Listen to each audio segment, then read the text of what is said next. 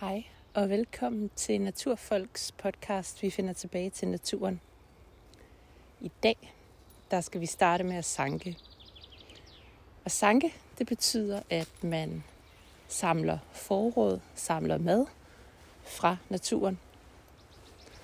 Og det har vi jo gjort i tusindvis af år. Så vi er kommet noget væk fra det. Og øh, der er så sket det de sidste år, at det er blevet ret ind at gå på svampejagt og gå ud og plukke ramsløg i skoven tættest på din by.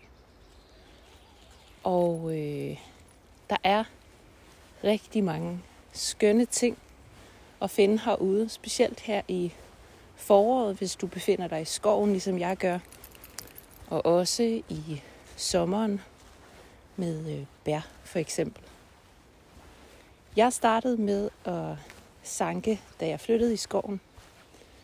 Det var der, min interesse for skovens biologi virkelig blev vækket, og det var der, jeg begyndte at forstå sammenhænge og se den daglige udvikling igennem et års jul.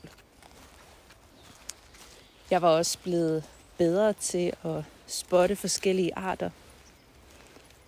Jeg kunne mestre de forskellige træer.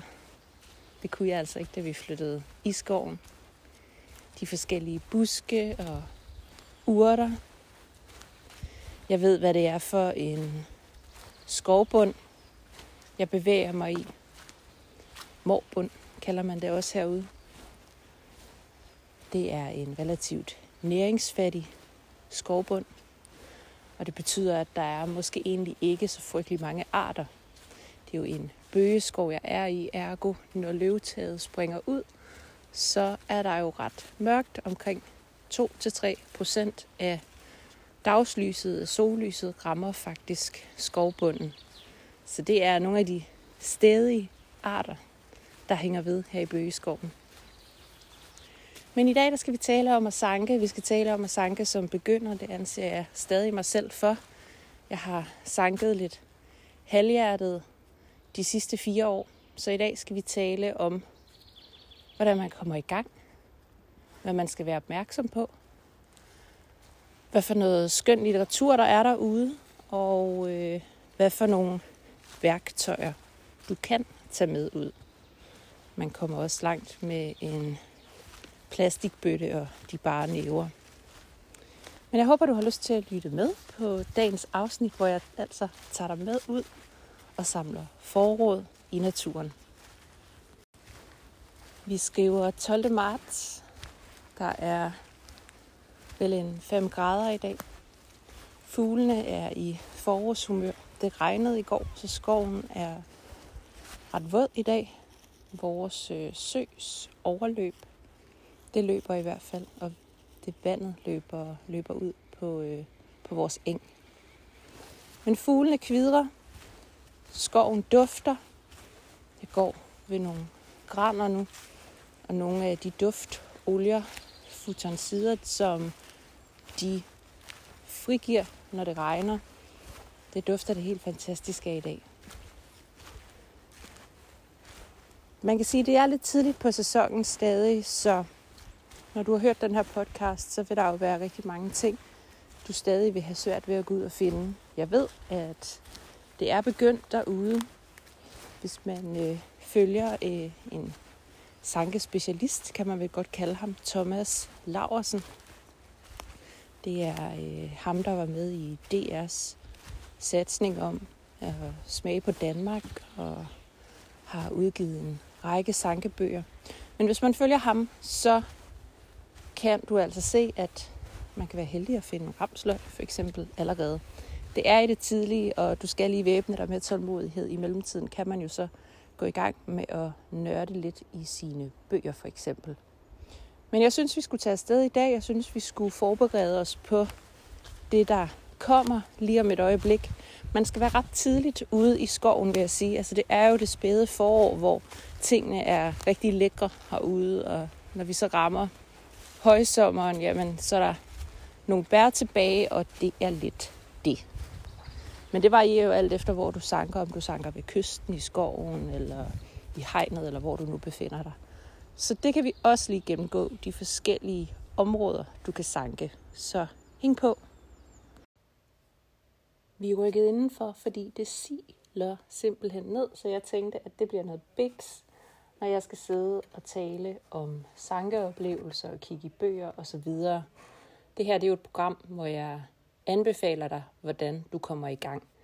Og øh, for mit vedkommende, der startede jeg altså som sagt for en fire år siden, da jeg jo selvfølgelig flyttede ud i skoven, i bøgeskoven, og derfor er det også her, jeg har gjort mig de fleste erfaringer sammen med, øh, når jeg er i Norge, på fjellet selvfølgelig, eller ved sommerhuset, det er den nordjyske vestkyst, hvor jeg også har været på stranden og finde lidt spændende ting og sager. Lige om et øjeblik, så er noget af det første, jeg vil gå ud og plukke, det er selvfølgelig skovsyren, når den begynder at smage af forår. Den er der året rundt, og den er virkelig, virkelig en cool lille plante, som overlever selv den vildeste frost. Den smager ikke særlig spændende lige nu, men det gør den virkelig omkring påske. Der er den et rigtig fint, friskt element i køkkenet, og øh, altså en plante, som du går ud og plukker og bruger direkte. Det er ikke rigtig sådan en, du gemmer, så fiser den meget hurtigt af og bliver slatten. Så hjem og put på påskefrokosten. Man vil opleve, at man får rigtig meget øh, mundvand i munden af den. Det er jo en syre, og derfor er den selvfølgelig god sammen med retter, der måske ellers er relativt tørre. Jeg kan også se, når jeg går rundt derude, at mælkebøtten er også så småt begyndt spæde, spæde blade. Brændenælderne øh, er også allerede begyndt, hvis man sådan ruder lidt rundt i laget af førne, altså alt det her nedfald af blade, af dødt øh, materiale, organisk materiale, jamen når du fejrer det væk, så kan du se liv under masser af liv, øh, fordi det selvfølgelig bliver, bliver holdt på varmen, og, og derfor er der jo gode betingelser for, at, at tingene spiger. Så det er øh, bestemt værd at måske sænke tempoet lidt og, og gå og, og spotte. Jeg har også set, at der er nogle få af de dygtige mennesker, der faktisk lever af at sanke, der allerede har fundet ramsløg. De har sikkert nogle gode hemmelige steder. Øh, der vil jeg nok øh, vente en måneds tid, før der absolut er noget interessant at kigge efter derude.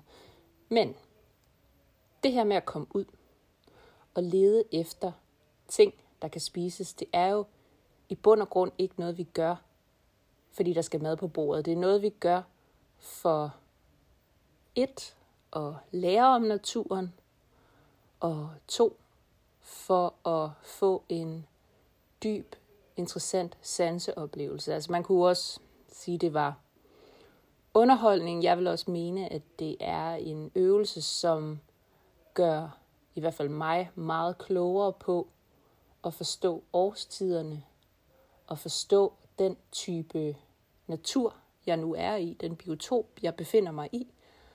Og, øh, og så er det selvfølgelig en helt fantastisk følelse, når du finder, det kan være alt fra friske hasselnødder til svampe om efteråret osv. Det er en magisk oplevelse og stolthed, når du så kommer hjem og bruger det her i øh, madlavningen på den ene eller på den anden måde, er, er øh, helt fantastisk. Da jeg startede med at komme ud og sanke, der var jeg relativt meget på bar bund. Men jeg havde øh, væbnet mig med noget godt materiale, og øh, havde selvfølgelig købt Politikens svampebog og, og nogle af de lidt større opslagsværker, som kan være enormt svære at komme igennem. Man skal se dem som opslagsværker. Så det jeg gjorde, det var, at jeg også investerede i øh, Thomas Laversens bog, Vild, det var hans første udgivelse. Den er, har nogle år på banen, men det er en fantastisk starterbog, og det er den, fordi han har udvalgt, hvad du skal lede efter, og hvor du skal lede efter det henne. Og så har han også været sød og meget, meget kort beskrive, hvad du kan bruge den til. Den er for helt almindelige dødelige mennesker, der ikke kan huske mere end tre ting, og så er det glemt igen. Og øh, jeg vil våge at påstå, at den netop gør det, sådan en type bog skal. Den highlighter nu er jeg ved vandet, jeg skal kigge efter det på den her årstid. Det er lidt det samme hans helt nye udgivelse, Den Lille Vilde gør. Det er fire små værker, der passer i sådan en lille rygsæk, du kan have med. Den første, den er fra april til maj, så det vil være den, du skulle bruge nu. Den er ligesom vild og delt op i zoner.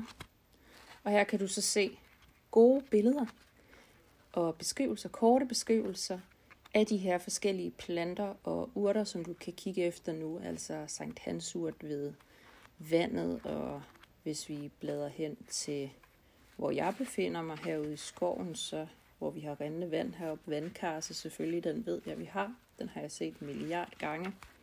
Faktisk aldrig fået gjort noget ved den. Aldrig fået spist den. Der er rigtig mange af de her ting, som for mig lige så meget er en oplevelse af at gå ud og finde det, og ikke nødvendigvis sanke det, altså plukke det og tage det med hjem. Øhm, og, og jeg ved ikke, om det bare er mine smagsløg, men for meget at det her smager af det samme for, for mig. Øh, sådan lidt kedeligt, hø, græsagtigt. Øhm, så smag på det, og vurder selv, hvad du synes er lækkert, og, og hvad du kan bruge. Jeg synes rigtig mange af de ting, jeg kan finde ved kysten, er rigtig spændende i deres øh, smage. Nødder og bær og sådan noget giver også selv senere på sæsonen er rigtig interessante. Men mange af de her små planter og urter, der, der er jeg måske ikke helt faldet, faldet på røven endnu over det.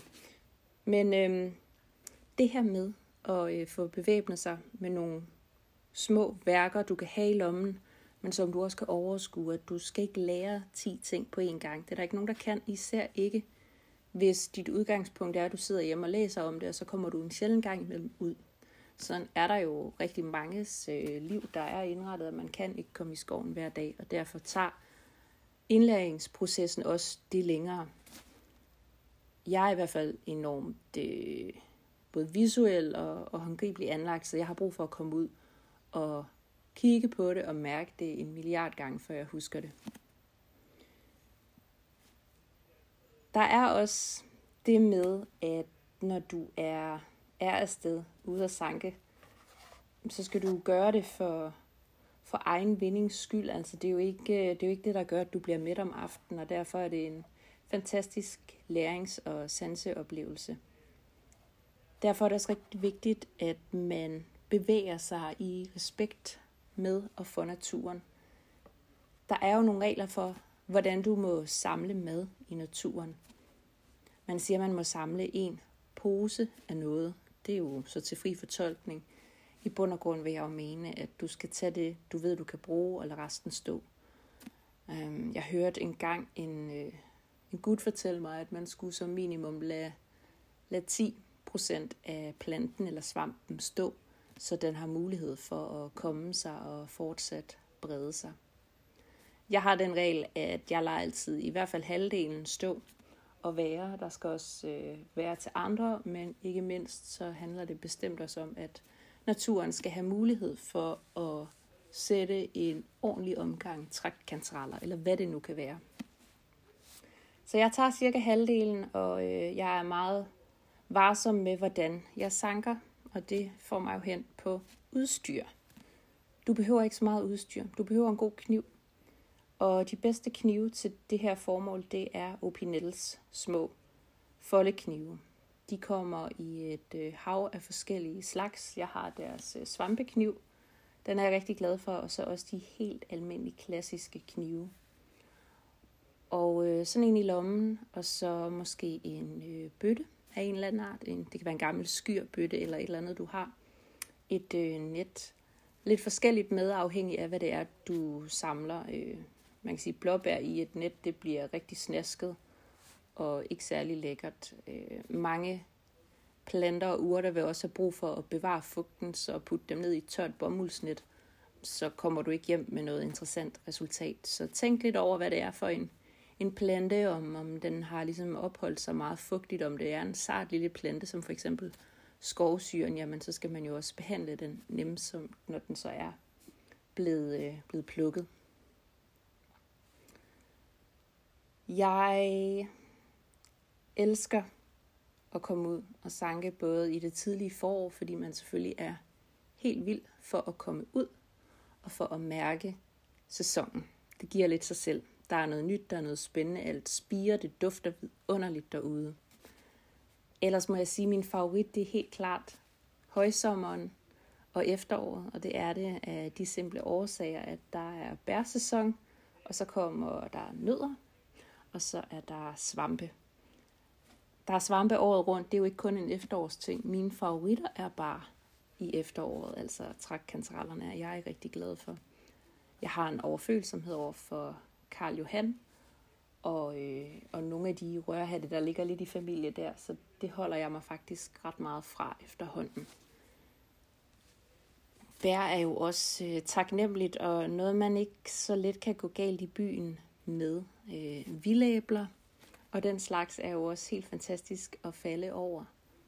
Og i bund og grund er det ikke så, så svært. Man kan jo gå et hav af forskellige steder. Det behøver ikke at være en, en stor, frodig skov. Man kommer faktisk langt ved at holde øje i for eksempel vejkanten på vej hjem fra, øh, fra byen mod, øh, mod skoven, hvor jeg bor. Jamen der er der både hassel og, og vildæble og plukke.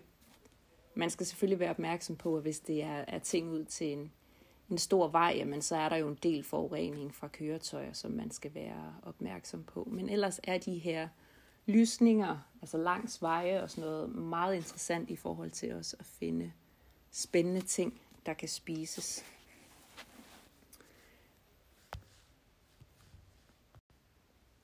Når du går ud og søger efter mad, når du er ude for at sanke, så er der en egenskab, som er enormt vigtig, og det er, at du er god til at mønstergenkende, og du er god til at scanne området, du befinder dig i. Heldigvis så er det nogle helt grundlæggende egenskaber, som vi mennesker er meget, meget dygtige til. Vi er indrettet på den måde, at der findes to typer tænkning. Den første, det er den lineære tænkning. Det er det, vi bruger i dagligdagen helt klart mest, og som dræner os enormt meget for energi. Altså det her med at tænke fra A til B til C, enormt løsningsorienteret. Og så er der den kreative tænkning, det netværk, som vi falder tilbage i, når vi sidder og falder i staver ude i haven eller i badet. Det er det netværk, vi også bruger, når vi går ud i naturen og scanner den. Når du lader blikket drive hen over engen, eller skoven, eller ved vandet. Det giver en helt enorm ro, og du er også rigtig, rigtig dygtig til det. Og det er du især, jo mere du gør det. Du vil både finde ud af, at det giver et enormt velbehag, rent mentalt og fysisk. Men du bliver også dygtigere til det, jo oftere du gør det. Ligesom med så meget andet. Derfor så er mit vigtigste råd, når du tager ud og skal lære at forstå naturen og sanke i den, det er i bund og grund at give dig selv tid nok. Giv dig selv lov til at afklimatisere, når du lander i et område. Mange danskere har jo ikke muligheden for til daglig at smutte en tur i skoven eller en tur til havet. Måske er der en bypark, du kan befinde dig i. Det er også en fantastisk øh, oase og en god mulighed for at øve sig i sin evne til at sidde og scanne, sidde og glo. Men det her med at give sig selv lov til at afklimatisere, er, tror jeg er rigtig, rigtig vigtigt, for at du også får en mental ro og evner at spotte de rigtige mønstre og de rigtige tegn. Et godt eksempel kan være, jeg er i øjeblikket på jagt efter grønspætten. Grønspætten er en enormt sky fugl. Den blænder ret godt ind i skoven. Den er jo grøn for det meste. Men jeg har lært at scanne naturen for tegn på, at den er i området. For eksempel ved at lægge mærke til myreturene, er der huller i myretuen på den side, der vender mod solen længst tid i løbet af dagen. Hvis ja, så er det grønspætten, der har været i gang med at lede efter mad er der små rådne træstuber, som jeg kan se for nyligt er blevet revet i stykker, jamen så er det som oftest også spætterne, der er at, at takke for den opgave igen, fordi de selvfølgelig leder efter insekter. Og den her evne til at læse naturen, det er jo noget, der kommer med tiden. Du skal øve dig. Og øh, det har jeg gjort i fire år. Nu er jeg på vej ind i femte sæson, og forhåbentlig bliver jeg bedre og bedre i takt med, at jeg jo tilbringer flere og flere timer i naturen. Primært i skoven, så man kan selvfølgelig sige, at jeg har en fordel der.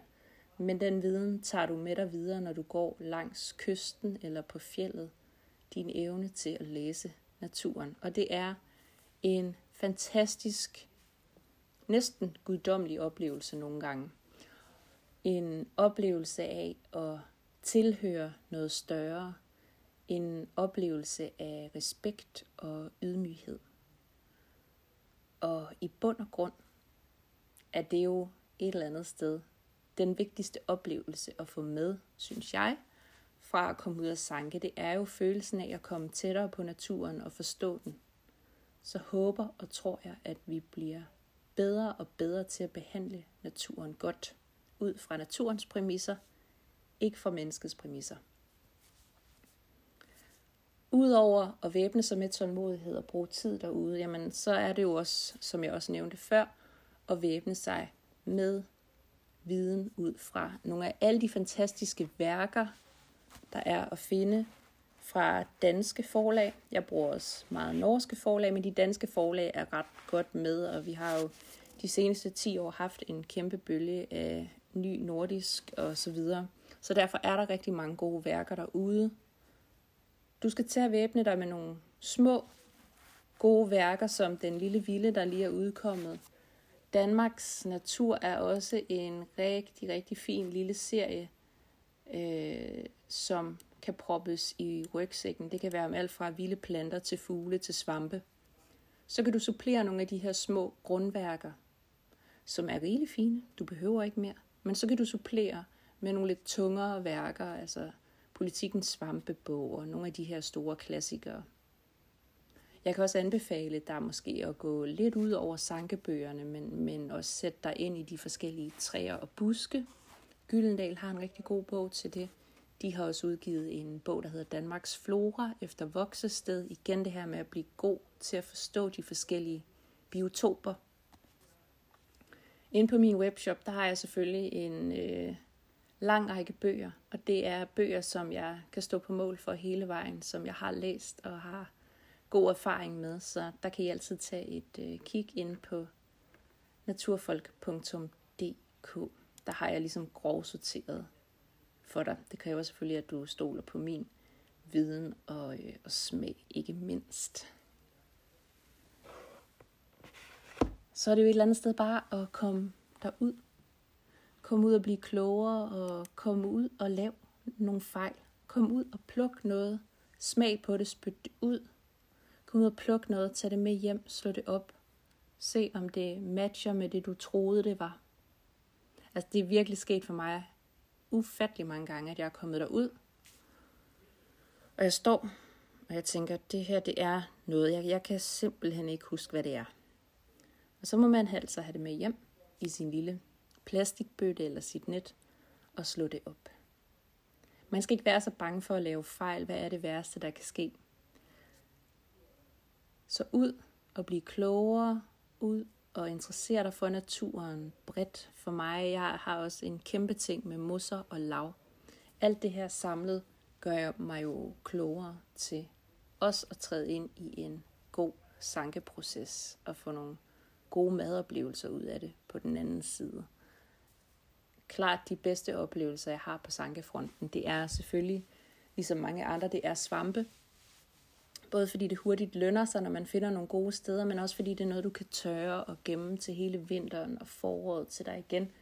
Bliver nogle spændende ting at finde derude i naturen. Og den stolthed af at putte trækkantereller, du har tørret og blødt op, putte det på din fredagspizza, det gør dig enormt lykkelig og for mig også øh, ydmyg over for det måltid, jeg skal til at indtage. Så det, det vender også en proces op i hovedet omkring måltidet, og hvor kommer maden fra. Det kommer ikke bare ned fra Kvickly og så videre. Så overordnet set er det jo en fantastisk sanseoplevelse. Det kan blive meget filosofisk, hvis man tænder på det. Og ellers er det bare rigtig, rigtig sjovt at lære noget nyt. Noget vi alle sammen kan lære, hvis vi bruger tid på det. Det er jo ikke forbeholdt biologer at komme ud og forstå naturen. Helt almindelige dødelige kan også vælge at gøre det, ligesom jeg har gjort. Det tager lang tid, men det er en fed proces. Det er en fed proces at mestre, og øh, super, super fedt, når ens skønne forældre en dag ringer og siger, Maria, jeg har lige taget et billede af en fugl. Jeg har lige brug for, at du kigger på det og fortæller mig, hvad det er for en. Altså de mennesker, som hele mit liv jo også har været mit forbillede i forhold til at komme ud i naturen og forstå den og have en relation til den. Det har jeg jo lært af mine forældre. Så det føles rigtig godt.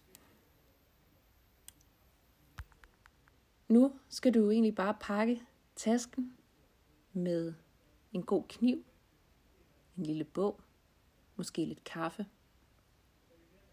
Ud og lære, ud og lave nogle fejl, ud og give dig selv tid nok. Altså det her med at have tid nok er virkelig, virkelig vigtigt.